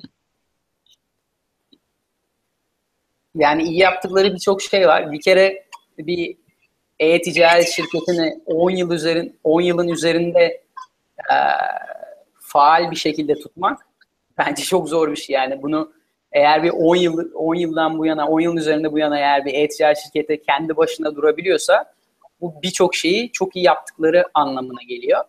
Ee, işte mesela ürün gamutu yani birçok milyonlarca ürün var sitelerinde. Ee, işte kısa bir süre önce verdikleri bir karar var. Bizim gibi retail'dan marketplace'e döndüler. Mesela bu çok iyi bir karar. Ee, ki hani retail kendi başına iyi ama birçok negatif yönü var. Marketplace bu negatif yönlerini kapatabiliyor. Bu verdikleri karar çok iyi bir karar. Ve Türkiye çapında e, her yere e, ürün satıyorlar, fiyatları iyi. Yani bence yaptıkları e, genel olarak çok iyi şeyler yapıyorlar. Hani ne iyi yapmıyorlar derseniz hani açıkçası bilmiyorum. Yani bu e, son hani verdikleri belki marketplace'e geçmek açısından bunu daha önceden yapsalar yapsalardı eğer e, daha iyi olabilirdi. Belki bu birazcık e, yani bu karar daha önceden alış, alınmış olsaydı daha iyi olabilirdi ama yani onun dışında yanlış yaptıkları bir şey görmüyorum şu an. Evet, çok teşekkürler. Şimdi sıradaki sorumuz öncelikle bir yorum gelmiş Alkan Vatansever'den Lazada ile ilgili. Lazada'nın depolarını incelediğimizde gerçekten çok düzenli ve göze güzel görünen ve özellikle sarı renklerin ön planda olduğunu görüyoruz. diye bir yorum gelmiş. Nasıl Tesla Motors'un üretim heyecanını arttırmak adına kırmızı ve canlı beyaz renkleri fabrikasında kullandıysa siz de renklerin üretime ve çalışma motivasyonuna etkisi olduğunu düşünüyor musunuz? Çok güzel bir soru bence. Evet, biz ben açıkçası bunu daha önce hiç düşünmedim. Yani bizim orada sarı koymamızın nedeni hani sarı warning anlamına geliyor dünyada. Bizde o çizgiler insanların o çizgilerin dışına e, çıkmaması gerektiğini gösteriyor. E, hani o yüzden o var. Ben renklerin insan psikolojisini etkilediğini düşünüyorum. E, hani o yüzden eğer şimdi sıfırdan yapıyor olsaydık ki bir depoyu şu an sıfırdan yapıyoruz. E, gerçekten değişik renkler kullanılabilir. E, onun dışında hani bizim depolarımız e, iyi göründüğünü söylemiş arkadaşımız. E, tabii ilk başta biz mesela ilk şirket kurduğumuzda bizim depomuz işte 20 metrekarelik bir odaydı ve hani paketleri, ürünleri kendimiz koyuyorduk, kendimiz bantlıyorduk. İşte yavaş yavaş bunun nasıl yapılacağını öğrendik. Şirketin içinde bazı konular e, ekspertiz gerektiriyor. Mesela e, eğer siz işte pazarlama kısmında mesela online pazarlama kısmında çalışıyorsanız bilmeniz gereken çok spesifik şeyler var. Ee, ve bu şeyleri de bizim öğrenmemiz çok zaman alacağı için bu işi bilen insanları işe arıyoruz. Hani bu e, depoda buna çok benzer bir şey. Çünkü depolama hani çok ekspertiz gerektiren bir şey. Biz de hani şirket belli bir kademeye geldikten sonra bu işi anlayan, işte bu işle 20 yıl, 30 yıl deneyimi olan insanları alıp işte onlara onlara kurdurttuk depolarımızı. O yüzden hani resimlerde iyi gözüküyorlar. Ee, ama iyi gözükmesinden ziyade deponun çok efficient olması gerekiyor. Yani verimliliğinin çok yüksek olması gerekiyor. Ee, çünkü mesela bizim ortalama bir depomuzda bir günde işte 50 bin tane paket çıkıyor içinden. Bu 50 bin paketi e, en küçük alanda en az insanı kullanarak e, en verimli şekilde nasıl çıkarabiliriz? Buna göre dizayn ediyoruz depolarımızı. Tabii renklere dediğim gibi e, önem vermedik daha önceden ama hani bundan sonra e, vereceğiz. Arkadaşa da e, yeni depoyu boyadıktan sonra fotoğraflarını göndermek isterim. Sıradaki sorumuz başarınızın başarınız devam ederse nasıl bir sonuçla karşılaşacaksınız? Daha çok büyümeye mi yönelirsiniz? Bu konudaki düşünceleriniz nelerdir? Şimdi Lazada'nın başarısı bence yani daha şirket e, çok daha yolun başında. Hani biz bu ülkelere baktığımız zaman bizim içinde olduğumuz 6 ülkede e, e-ticaret penetrasyonu yüzde bir ila yüzde iki arası. Yani şöyle söyleyeyim, ülkedeki bütün ülkedeki retail satışların sadece yüzde biri şu an e-ticaretten geliyor. Hani biz Avrupa'da ve Avrupa'ya ve Amerika'ya işte Kore'ye, Japonya'ya gelişmiş ülkelere baktığımız zaman hani bu yüzde on, yüzde on ikiye kadar çıkıyor. Yani Lazada şu an daha yolun çok başında. Bizim yap yapacağımız çok daha fazla şey var. Hani biz şu an durup arkamıza baktığımız zaman wow işte çok büyük şeyler yapmışız falan filan dersek, çok başarılı olmuşuz dersek bence çok yanlış olur. Ha, burada hani ulaşılmış biraz bir başarı var ama daha her şeyin şu an çok başında yani biz hala bebek adımları atıyoruz yani hani bu 6 ülkede olup burada 600 milyon kişilik nüfus var. Yani 1,5 milyar dolar satış yapmak hiçbir şey şu an. Yani bizim bunu 50 milyar dolara çıkarmamız gerekiyor. Ee, ya da hani 50 milyar dolar biraz fazla bir meblağ alınır da yani hani önümüzdeki e, önümüzdeki 5 yıl içinde 10 milyar dolara çıkarmamız gerekiyor. İşte ondan sonraki bir 5 ya da 10 yıl içinde de daha üst seviyelere getirmemiz gerekiyor. O yüzden hani bizim için hiçbir zaman e, ya başarılı olduk, şurada duralım diye e, bir şey yok. E, hani önümüzde ne var, Lazada'nın önünde ne var diye sorarsanız şirketi çok daha büyütmek, daha fazla insana ulaşmak, daha fazla ürün satmak, fiyatlarımızı daha fazla aşağı çekmek e, ve ürün yelpazemizi geliştirmek var. Çok teşekkürler. Ee, şimdi şöyle bir soru geldi. Daha önce bahsettiniz biraz ama izleyicilerimiz e, bazen geç katılıyorlar. O yüzden kaçırmış olabilirler. Özetlemek gerekirse şu an nasıl biri karşıma çıksa kesin işe alırım dersiniz. Yani bir ben üç şeye bakıyorum mesela e, bir görüşme yaparken. E, en önemli şey tabii İngilizce olacak yine ama ownership. Yani şirketin yani hani sahip olma, şirkete sahip olma. Mesela bizde e, birçok kişi çalışıyor. İnsanların yüzde doksanı e, problemlerle karşılaşınca eğer problemi çözemezse hani bize geliyor ya ben bunu çözemedim. E, işte e, bunu böyle yapamıyoruz diyorlar. Mesela bu ownership yani sahip olma demek eğer bir problemle karşılaşıyorsanız ne yapıp yapıp yani sanki şirketin sahibi sizmişsiniz gibi o problemi çözmeden hani uyumayıp e, ben bunu nasıl çözebilirim? Daha farklı insanlarla görüşüp yani ne yapıp yapıp e, o sorunları çözebilecek insanlar almak bizim için çok önemli. Bizim şirketimizde de en başarılı olan insanlar şirketi kendi şirketi gibi gören insanlar e, ve hani şirketi sahiplenme duygusu çok yüksek olan insanlar. İki numaralı aradığımız şey e, hani analitik açıdan e, yüksek insanlar arıyoruz. Yani hani bu matematiksel demek değil. Hani hem hem matematik olarak hem lojik olarak e, problemleri e, rakamlara dökebilecek, e, analiz edebilecek, analizlerden sonuçlar çıkarıp sonra bu sonuca göre bunu da execute edebilecek insanlar arıyoruz. Yani analitik insanlar. Üçüncü olarak baktığım şey de e, yaratıcı problem çözücüler. Ne demek yaratıcı problem çözücü? Mesela bizim Filipinler'de karşılaştığımız problemler daha önce hiçbir şirket tarafından karşılaşmamış dünyada. Yani en azından Filipinler'de bu problemler ilk defa karşılaşılıyor. Yani böyle daha önceden çözülmemiş bir problemle çalıştığınız, karşılaştığınız zaman da e, bir yani yaratıcı olmanız gerekiyor. Yani yaratıcı bir sonuç bulmanız gerekiyor. Mesela bizim karşımızda yüzlerce duvar vardı şirketi kurduğumuzda. Yani biz o duvarların ya üzerinden atladık ya yanından geçtik ya altından kazdık ya içinden girdik. Yani bir şekilde bütün problemleri yaratıcı son, çözümler bularak hani üstesinden geldik. Bu yüzden dediğim gibi üçüncü olarak da e, işte creative problem solver yani yaratıcı problem çözücü insanlar gerekiyor. Ben genelde e, bu üçüne bakıyorum. Tabii insanın e, karakteri de önemli. Hani biz bizimle genelde aynı kafada olan insanlarla çalışmak istiyoruz. Tabii hep aynı kafada olduğun insanlarla çalışırsan da şirketteki insan tarzı tek tip olur. Yani o yüzden hani kendi e, zincirini kırıp farklı insanları da şirketin içine sokman gerekiyor ki bazen senin göremediğin açıları onlar farklı yerlerden görüyor. Yani kültürel olabilir ya da işte e, fark, hani düşünce tarzı olarak farklı insan da olabilir. E, böyle yani bu bunların hepsi bir araya geldiği zaman e, biz genelde anlaşıyoruz insanlarla. Sıradaki soruyu da aslında cevapladık ama kısaca e, tekrar edebiliriz belki. Ezada'nın şu an sizce en büyük rakibi kim? diye bir soru gelmiş. Şimdi bizim değişik ülkelerde değişik rakipler, rakiplerimiz var. Güneydoğu Asya'da e, bizim gibi e, bölgesel büyüklüğe sahip olan başka bir şirket yok. E, bizim Filipinler'de çok rakibimiz yok. 7 tane rakibimiz vardı. İşte 6 tanesi iflas etti. Bir tanesi e, çok küçüldü. E, Vietnam'da çok rakibimiz yok. Malezya'da bir tane var. Hatta Malezya'daki şirketin sahibi Koreli şirket. Türkiye'deki N11'inde sahibi olan şirket. E, Elevenia, işte SK Telekom diye bir şirket. Endonezya'da genelde çok rakip var. Çünkü Endonezya'da büyük bir ülke olduğu için e, Hindistan'dan sonra en büyük pazar olarak e, en büyük gelişen pazar olarak Endonezya gözüküyor. O yüzden insanlar çok yatırım yapıyorlar.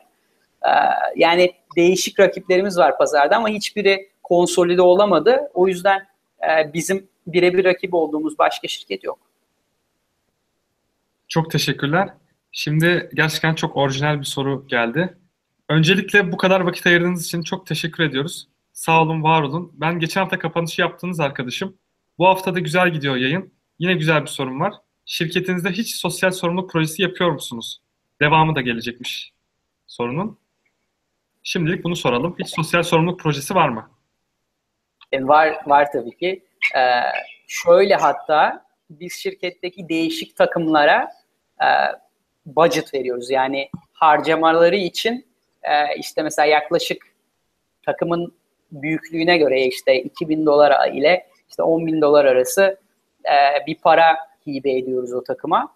E, bu takımlar genelde işte 20 kişiyle 50 kişi arası oluyorlar. Yani bir yaklaşık 20 tane falan takım var şirkette.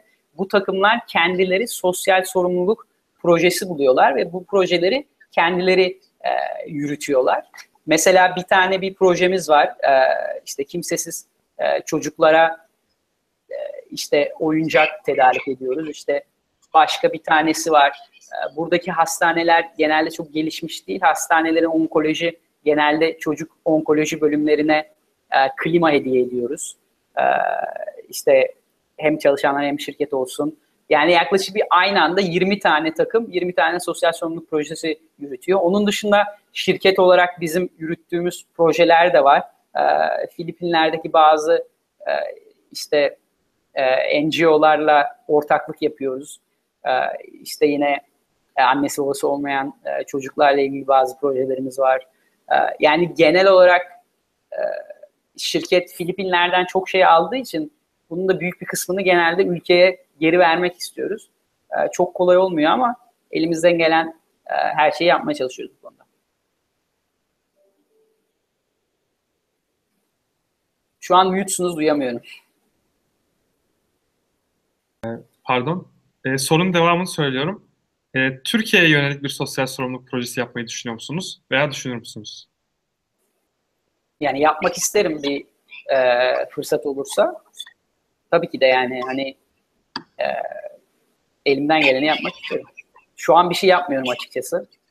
E, çünkü burada işimize biz hepimiz hani e, günümüzün 24 saatini verdiğimiz için yaklaşık son neredeyse 5 yıldır e, fırsatımız olmadı. Yani hani ben bile Türkiye'ye yılda bir kere gelebiliyorum. Ama hani buradan yapabileceğim, buradan destekleyebileceğim bir şey olursa tabii ki de yapmak isterim. Sıradaki sorumuz geliyor ama Selim abi geldi. Konuşmaya katılması bile, katılmam bile aslında bence bir şey yapmak. O arkadaş sinyal verici ama ee, yani bence bu bundan esinlenen, ilham alan bir sürü genç olacaktır. Olacağına inanıyoruz biz. Tekrar teşekkür ediyoruz. Kısıtlı vakit için. Buradaki soruyu gösterelim. Alışveriş kültürü esnaf dükkanlarından AVM'ye, AVM'den online alışverişe dönüştü.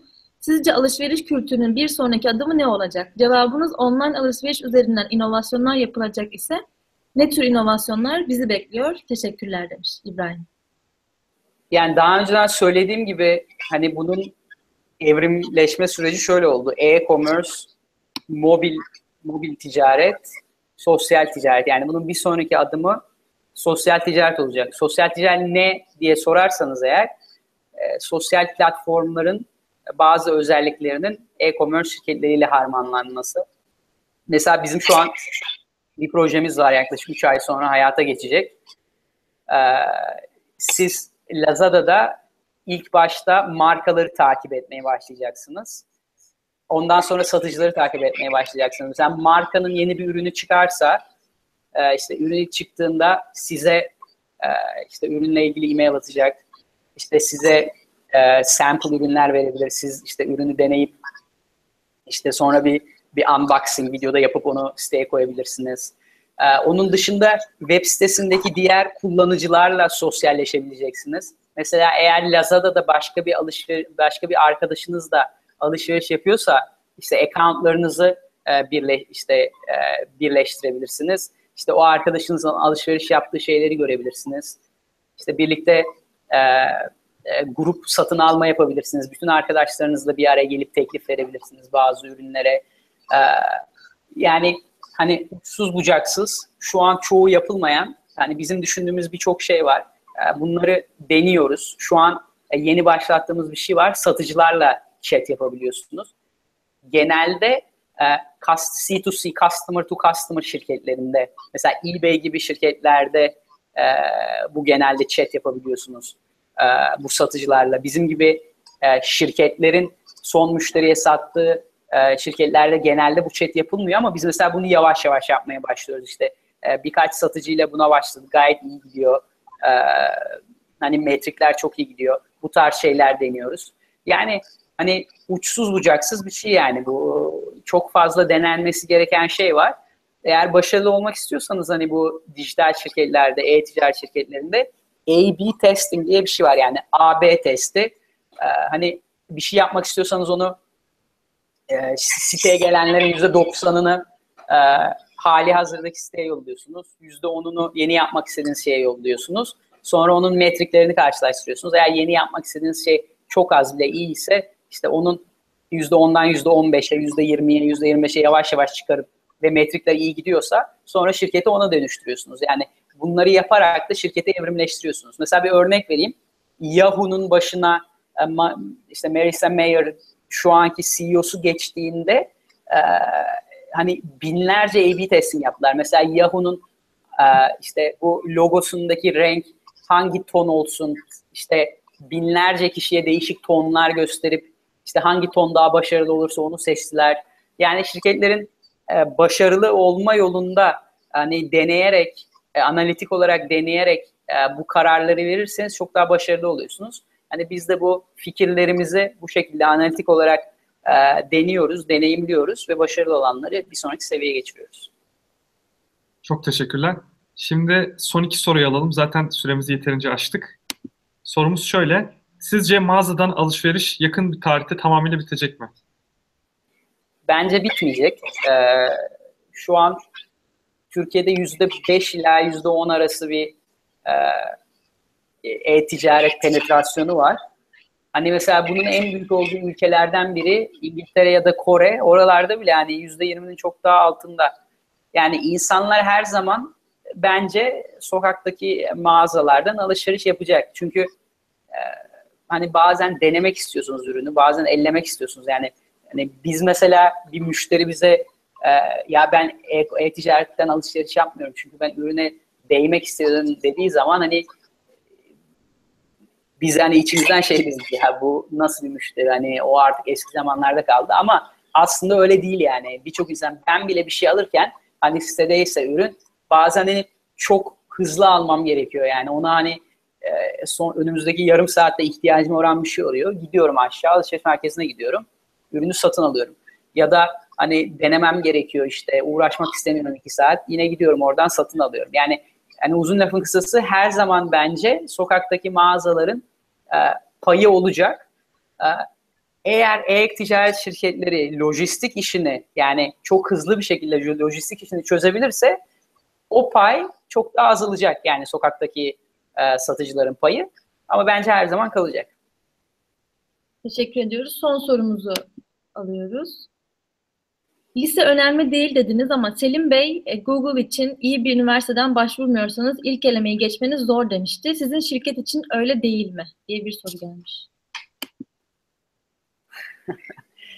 yani bizim için öyle değil. Biz Google, değiliz.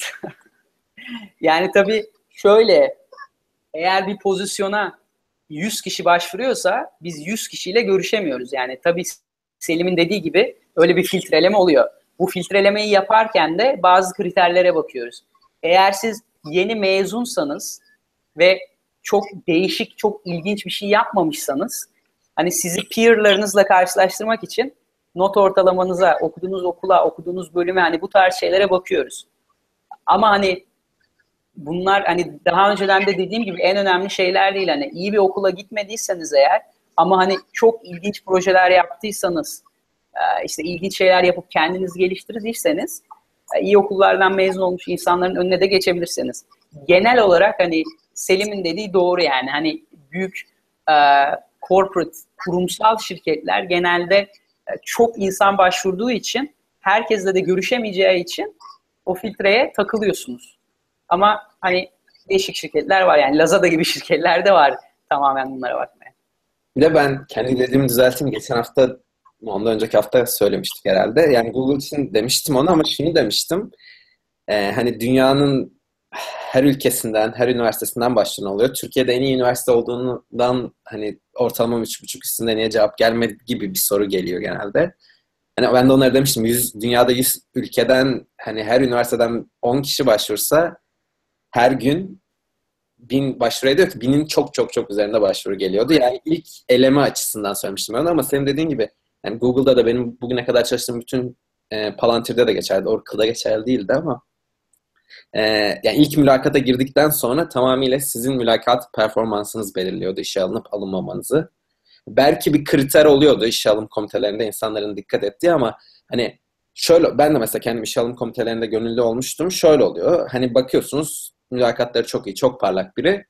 O zaman hangi okuldan olursa olsun çok önemsemiyorsunuz. Ama hani tam emin olmadığınız konular oluyor. O zaman okulda aldığı o derse bakıyorsunuz. O derste mesela işte bizim alanda veri tabanlarında mesela atıyorum başarısız, mülakatta iyi bir şeyler yapamadıysa acaba o derste iyi bir okuldan çok iyi bir not mu almış, ortalama mı almış, mülakatta mı acaba bir şanssızlık oldu vesaire gibi derse geri dönebiliyorsunuz.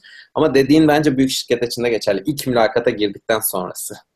Yani ilk mülakattan sonrası o arkadaşa da düzeltmiş oldum bunu. Son soru demiştik ama ben bir son kapatabilir miyim? son soruyla. E-ticarette taze gıdanın başarısı ne derece olur sizce? Nasıl görüyorsunuz? Ee, biz yaklaşık bir ay önce Singapur'da Redmart diye bir şirket satın aldık. Ee, Redmart e, Singapur'un en büyük e, taze ürün e-ticaret şirketi. Yani e, süpermarketlerde bulabileceğiniz ürünleri ve taze ürünleri satıyor. Bu, bu tarz yani iş modellerinde en önemli olan şeylerden biri lojistik altyapınız ve lojistik masrafınız. Eğer hani bunları iyi yapabiliyorsanız ve bulunduğunuz şehir e, bunu yapmaya uygunsa yani büyük bir şehirse e, bence çok başarılı. Genelde zaten hani e-ticaret şirketlerinin e, önümüzdeki yıllarda en büyük büyüme alanlarından biri de bu süpermarketlerden alabileceğiniz grocery ürünleri. Biz de şu an Singapur'da şirketi satın aldık. Singapur'daki Lazada'nın içine entegre ediyoruz. Diğer ülkelerde de birebir replike edip buralarda da açıp onun e, Lazada'ya ek olarak kuracağız. Ama dediğim gibi lojistik çok önemli bu, e, bu işte. İnanç Bey çok teşekkür ediyoruz. Ee, ben çok teşekkür ediyorum davet ettiğiniz için. Çok teşekkürler herkese. İyi akşamlar. Teşekkürler. İyi akşamlar. Çok teşekkürler. Soru soran herkese teşekkür ediyoruz. Desteklerinizi e, bizden esirgemediğiniz için herkese teşekkür ederiz. Ee, bu arada son olarak eğer hani burada soramayan insanların soruları varsa ya da bana hani birebir bir şey danışmak isterlerse LinkedIn'den e, beni ekleyip sorabilirler. Orada hani herkese yardımcı olmaya çalışıyorum. Çok teşekkürler tekrar. Teşekkürler. Görüşürüz. Yayını zaman.